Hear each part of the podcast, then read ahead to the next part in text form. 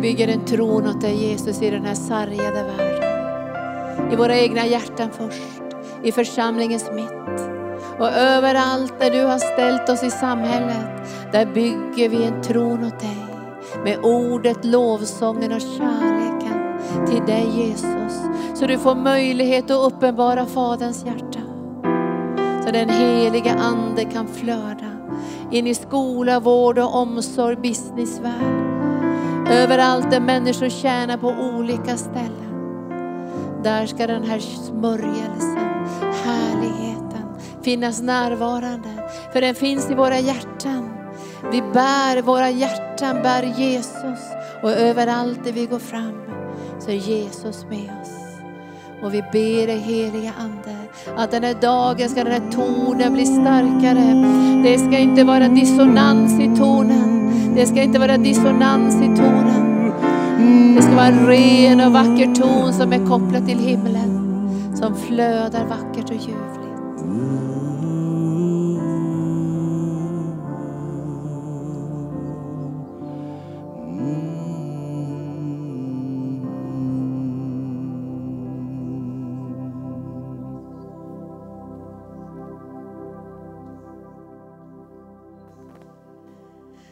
Halleluja. Tack Dan Jakob för att komma upp igen. Glad att du är här också Ingrid. Vi är jätteglada över er, vi älskar er, det känner ni också. Att det finns mycket kärlek från våra hjärtan till er. Och vi känner ju er sedan, sedan många år tillbaka och Rosie, din syster, har ju tjänat med mig under många år i Kvinnor i nätverk. Så vi är som lite familj där. Och så älskar vi liksom eh, tonen. Vi har liksom en ton som ni har och som vi har i arken. Som vi känner det här landet behöver. Och vi längtar efter den här tonen. För man tänker hur byggs Guds rike egentligen? Guds rike har ju ett byggnadsmaterial. Jag brukar som tre viktigaste ingredienserna i det här byggnadsmaterialet är ju lovsången, ordet och kärleken till Jesus.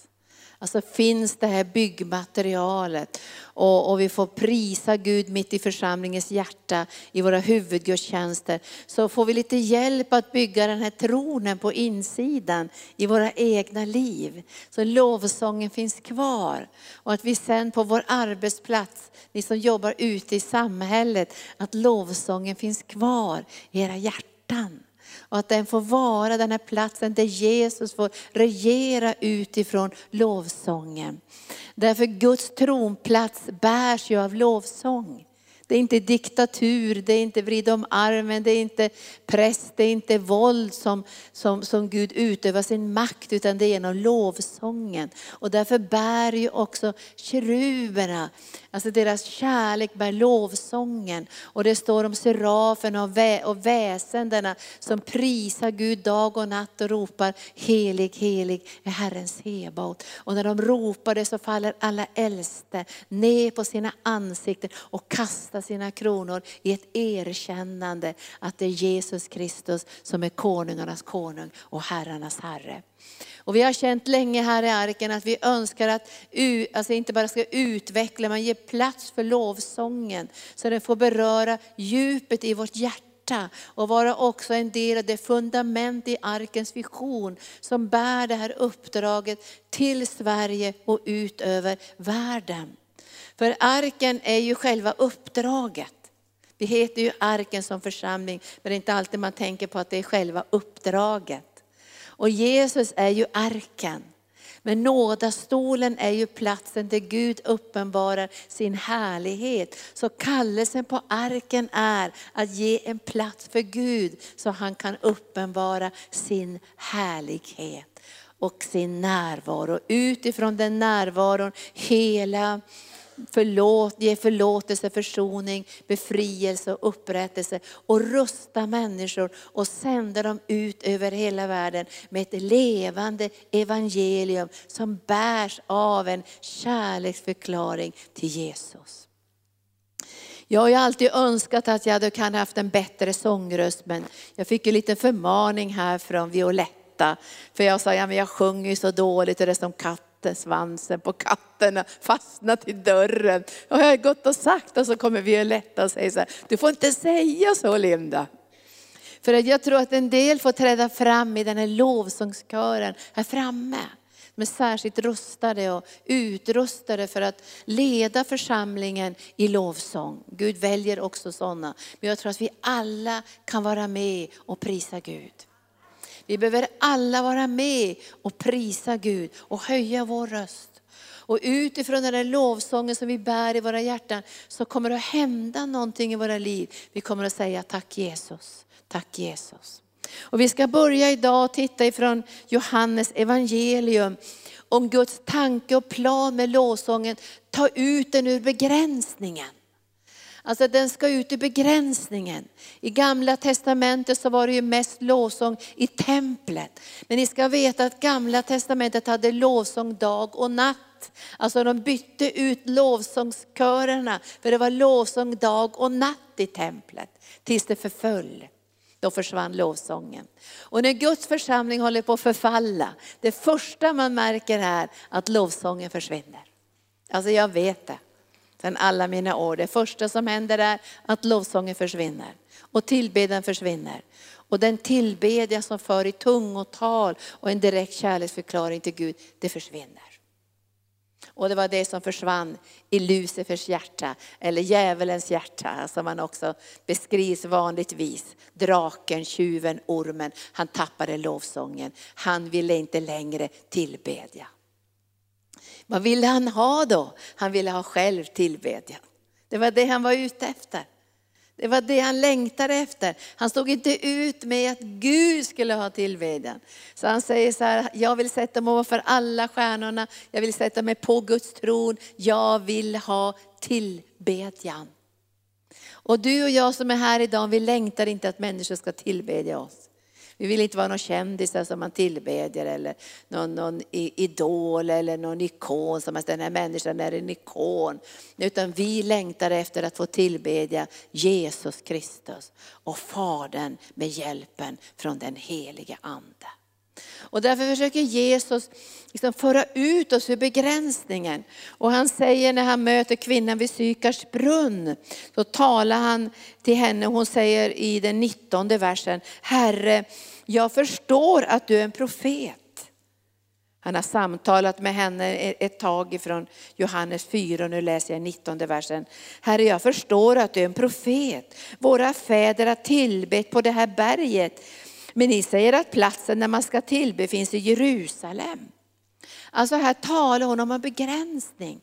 Är det här på berget vi ska tillbedja? Eller är det Jerusalem som vi ska tillbedja? Vet du, Gud har en plan att hela jorden ska fyllas med lovsång.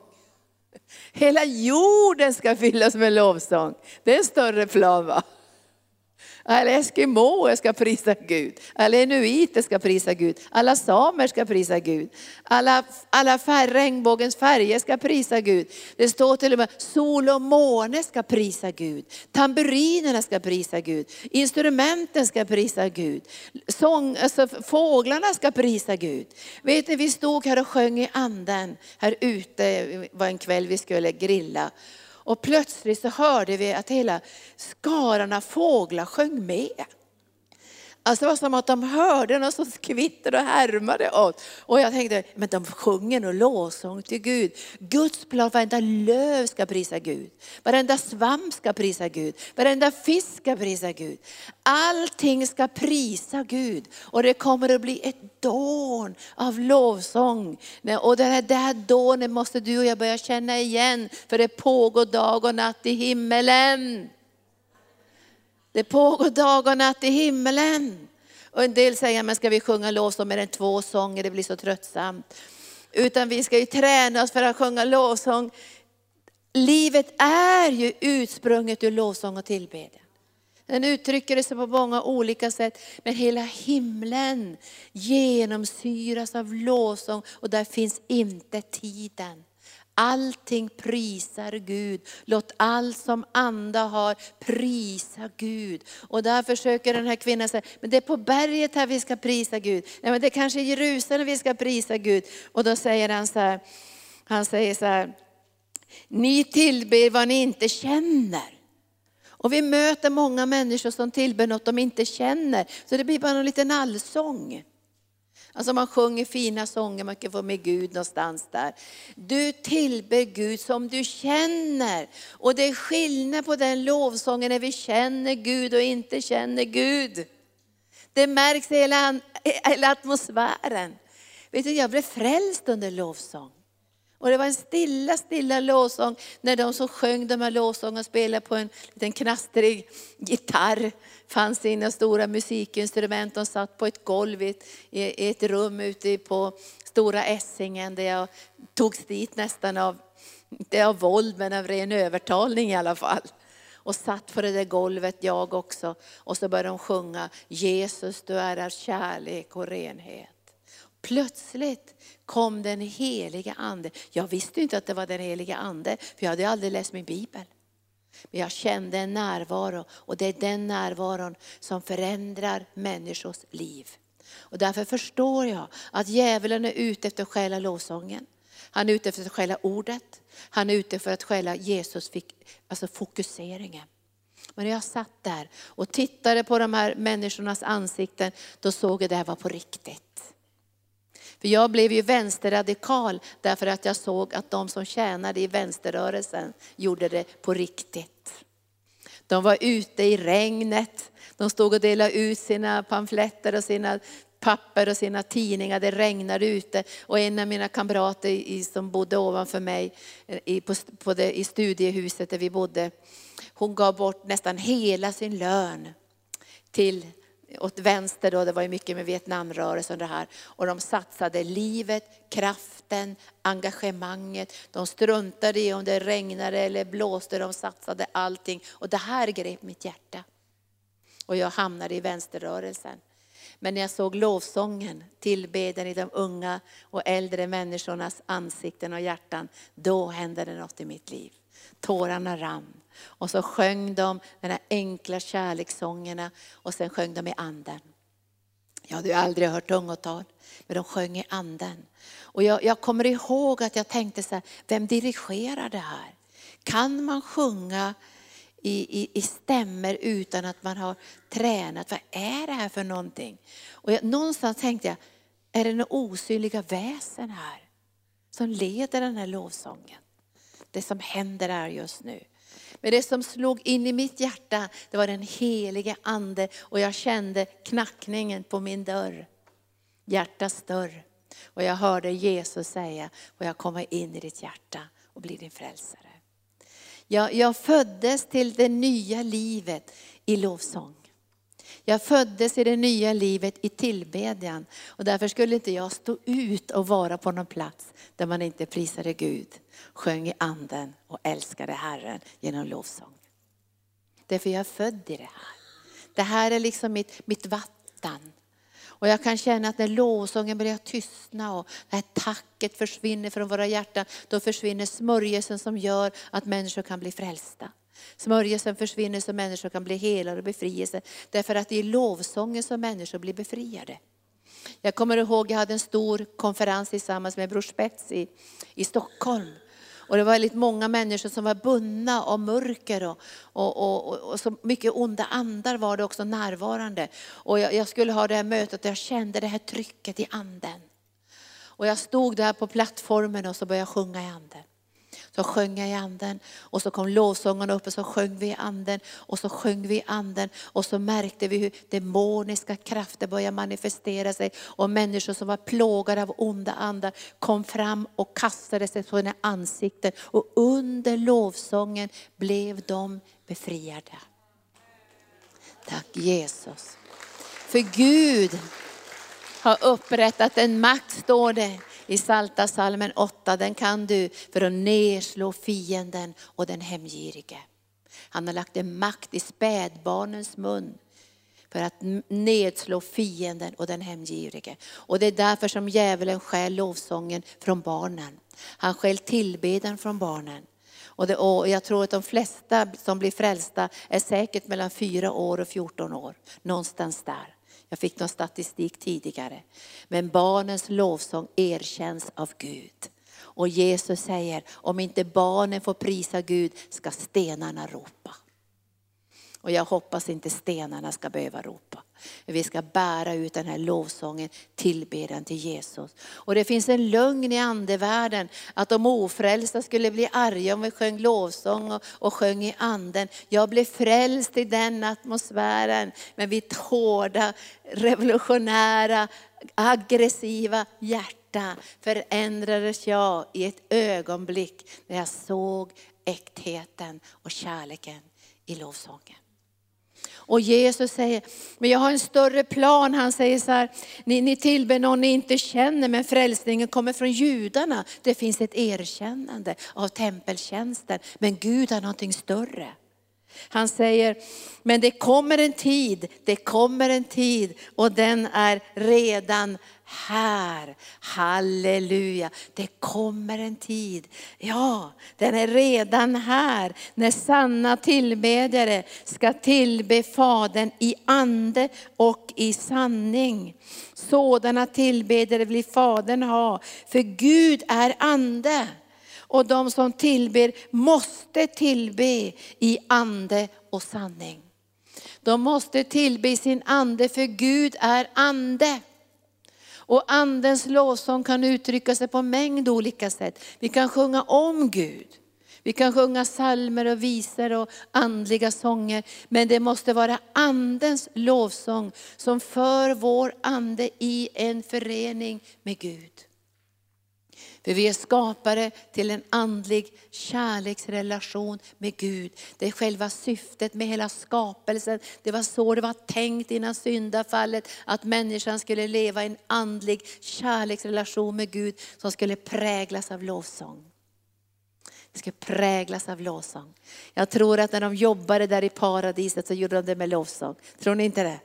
Det bara flödade och Eva tittade på på Adam och sa, åh Adam vad skönt att jag hör dig prisa Gud.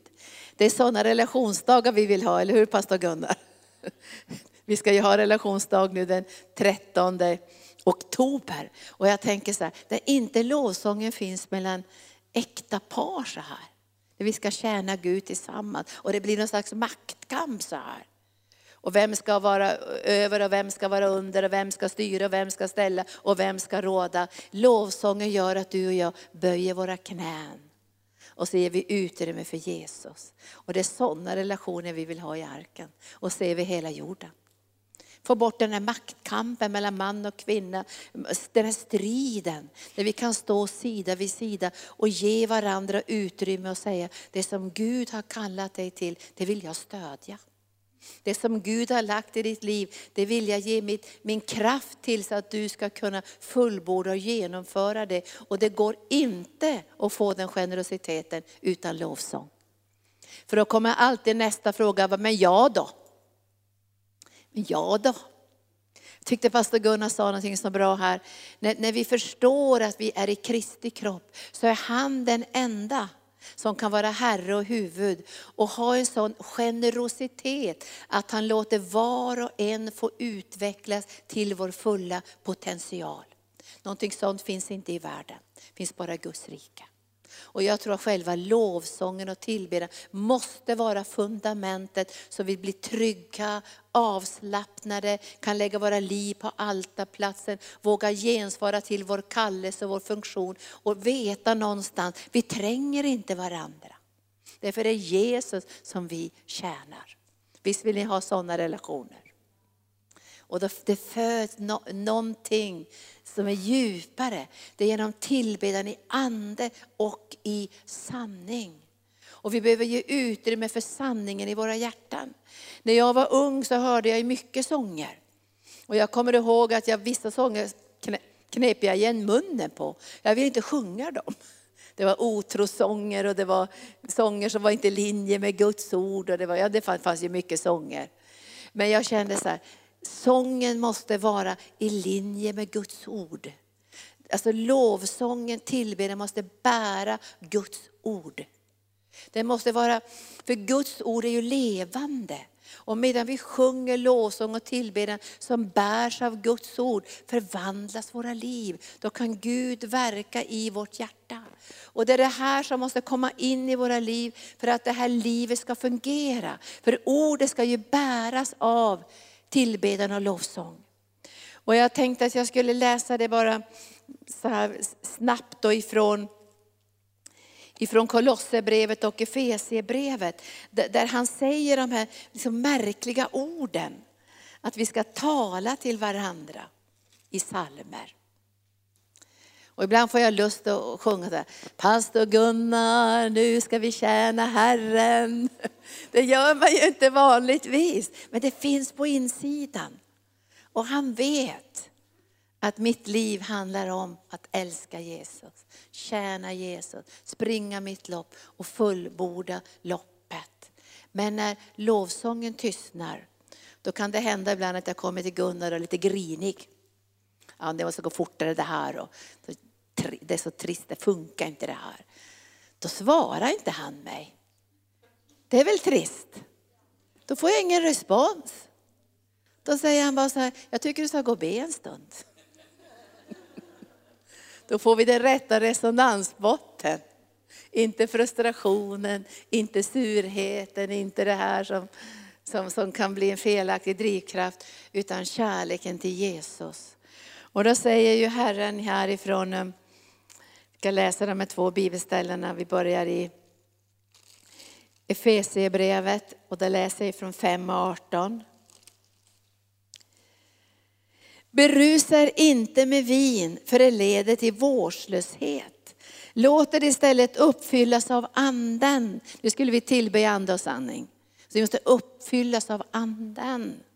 Och sen säger han, och tala till varandra med salmer, hymner och andliga sånger. Sjung och spela för Herren i era hjärtan.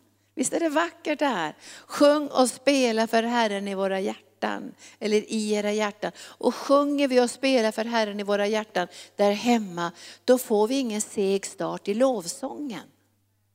Eller hur?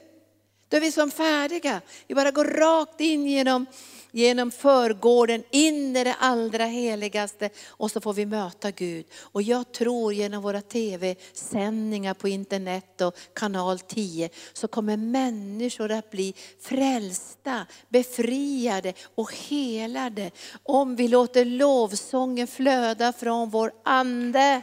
Så Gud får en tron. För när vi prisar Gud så begränsar det inte den här lokalen, utan det kan vara människor som sitter i andra länder, som ser oss via Youtube, som kommer att falla på sina ansikten och säga, Herre, du är sannerligen Herre. För hur vet du när vi sjunger i anden, så kanske Gud översätter det till kinesiska. Människor hör sitt eget språk det vi sjunger i anden, precis som pingstdagen. Och de förändras, förvandlas. Och vem kan stå emot en sån kärlek? Det var Jesu kärlek som fick mig frälst. Det var ingen övertalning från människor, det var kärleken som jag såg i människors ansikten. Det var på riktigt. Och sen nådde den här kärleken mig och jag har aldrig blivit densamma igen från den dagen. Men jag älskar lovsång och den får inte tystna. Och jag märker ibland att det blir lite så här, jag brukar ropa till Gud så här när jag möter också andra kristna. Instrumenten måste böja sig och lägga sig på altarplatsen. De måste tjäna Gud. Man märker om, om instrumenten tjänar alltså sångaren eller om instrumenten tjänar Gud. Alltså alla sångare, alla lovsångare, alla musikanter måste lägga sig på altarplatsen. Då kommer vi till en dimension av lovsång där det kan vara professionellt. Där vi kan få möta musiker som är välutbildade. Men det är som att den heliga ande tar tag i musikinstrumenten och det blir lovsång till Gud. Det här kommer vi att se mer av. För Gud längtar efter det här. Längtar efter det här. Längtar efter det här. Och du vet skillnaden på när Gud är närvarande och inte närvarande. Jag tror jag berättade att jag var på en konsert, min dotter ville ta mig på en konsert med Görs Gråban, en fantastisk sångare. Fantastisk röst, fantastisk sångare. Och vi var där på, den, på, den, på ett stort, mass, tusentals människor. Och han sjunger ju, han har en stämma som är verkligen gudagiven. Och han pratade lite grann mellan sångerna, sa inget bara, ja, inte bla bla bla ska jag säga, utan lite sådär, lite peptalk. Och jag satt där och tänkte, men gode Gud, var det smörjelsen? Jag är så van att det ska vara smörjelse hela tiden. Det kan inte vara smörjelse, jag vet inte om han är kristen ens. Men jag längtade, Gud, var det smörjelsen? Har ni känt så någon gång? Man står knappt ut liksom och säger smörjelsen. Och så skulle den konserten vara slut. Jag tänkte att det var det tommaste. Han sjunger ju så bra, sångerna är ganska fina. Men gode Gud vad tomt det känns. Och så sa han plötsligt så här, det är en sång som jag knappt sjunger något mer, sa han. Men jag tror jag ska sjunga den ändå tillsammans med er till sist. Och den här, He raised me up. Och så började han sjunga den.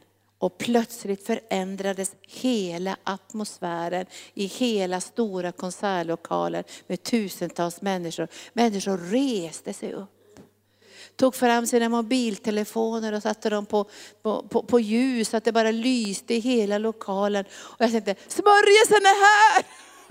Så jag tänkte, här måste vi börja be, jag ropar till himlens Gud. Och jag visste inte ens, jag vet inte om han var frälst än. Men det blev en skift i atmosfären.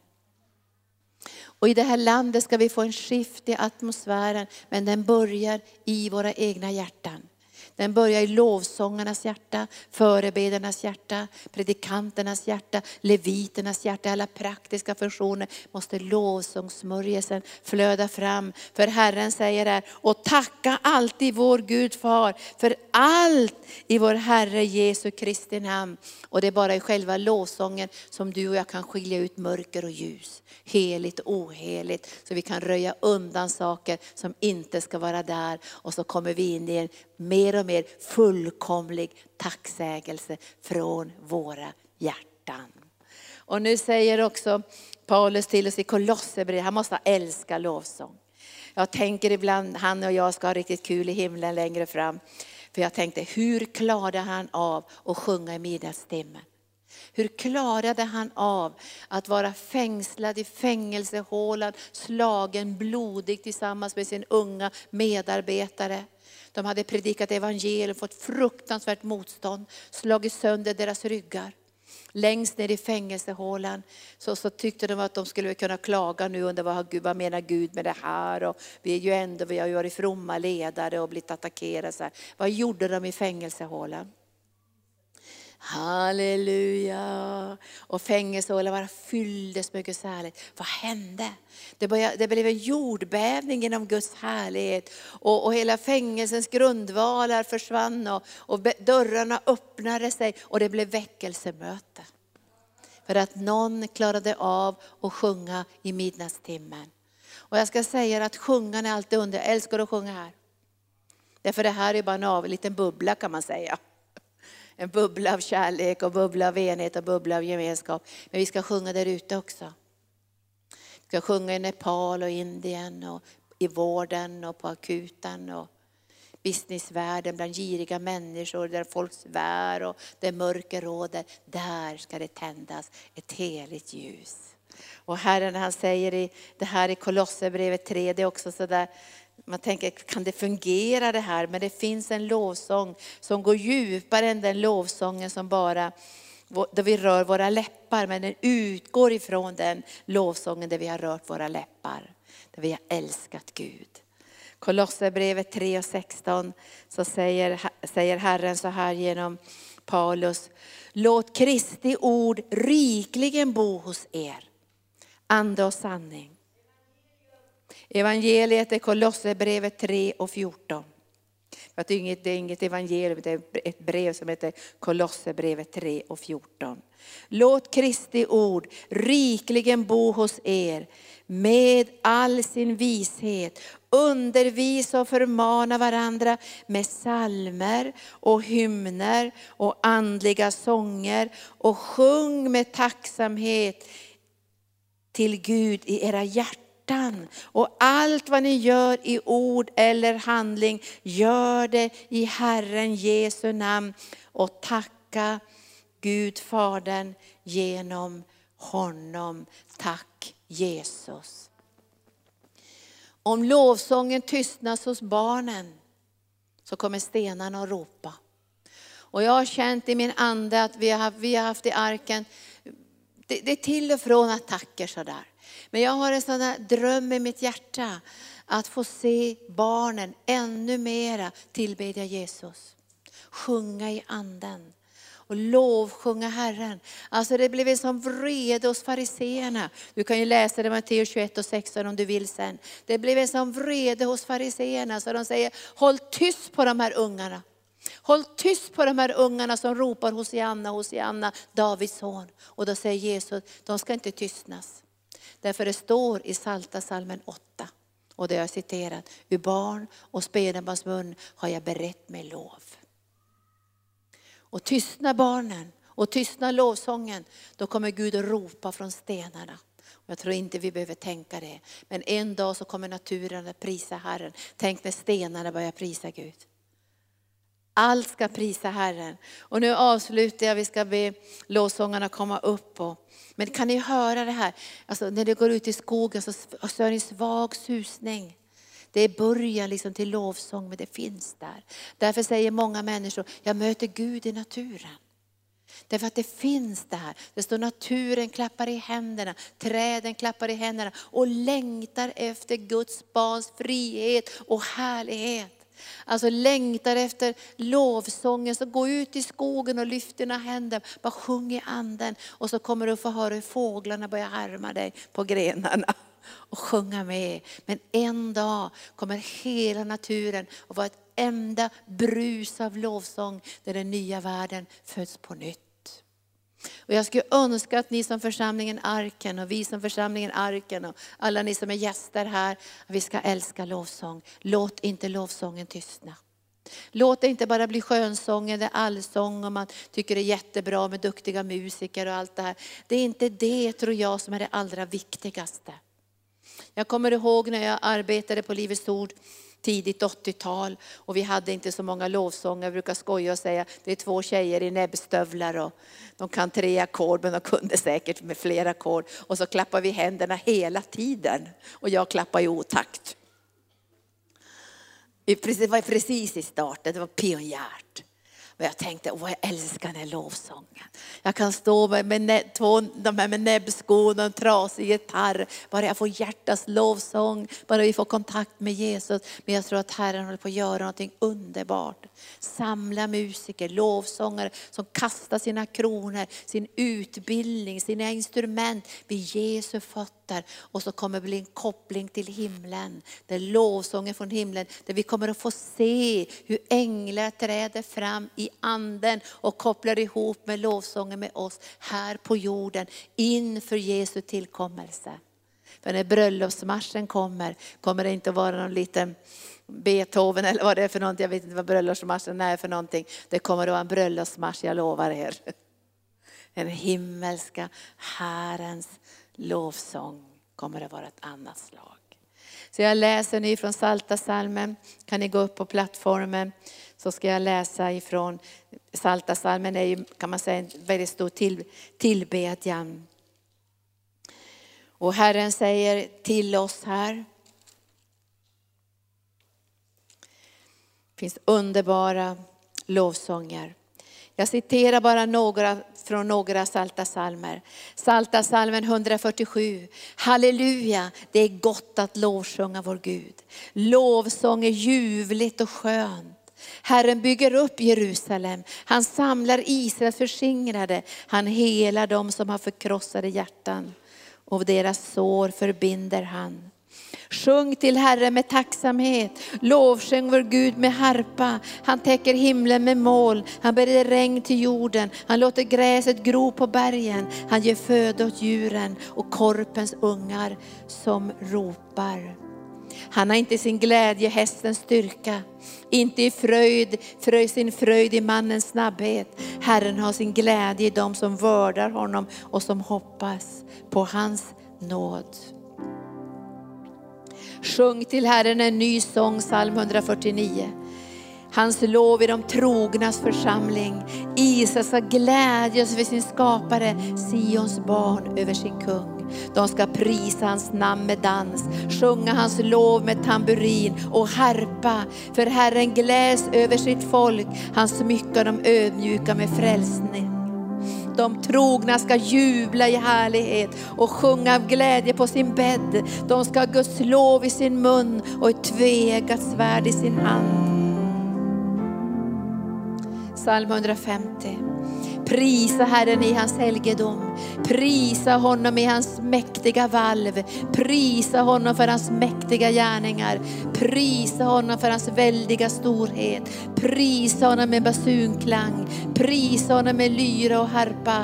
Prisa honom med tamburin och dans. Prisa honom med strängar och flöjt. Prisa honom med ljudande symboler. Prisa honom med klingande symboler. Allt som andas ska prisa Herren. Halleluja. Och nu ska vi bara prisa Herren. Och du, du får gå fram här och stå här om du vill. Stå i, i, sitta i din stol eller stå vid din stol. Bara prisa Herren. Och Gud kommer att hela dig nu. För han helar den som har förkrossade hjärtan. Han ger styrka till de som är svaga och på väg till utmattning. Han ger styrka i benen i din kropp.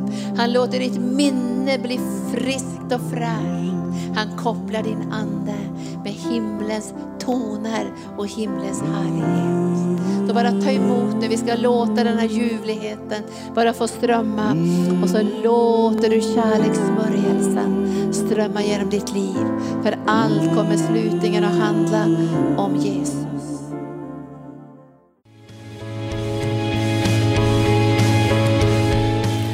Tack för att du har lyssnat. Vill du få del av mer information om församlingen Arken, vår helande tjänst, bibelskola och övriga arbete, gå in på www.arken.org.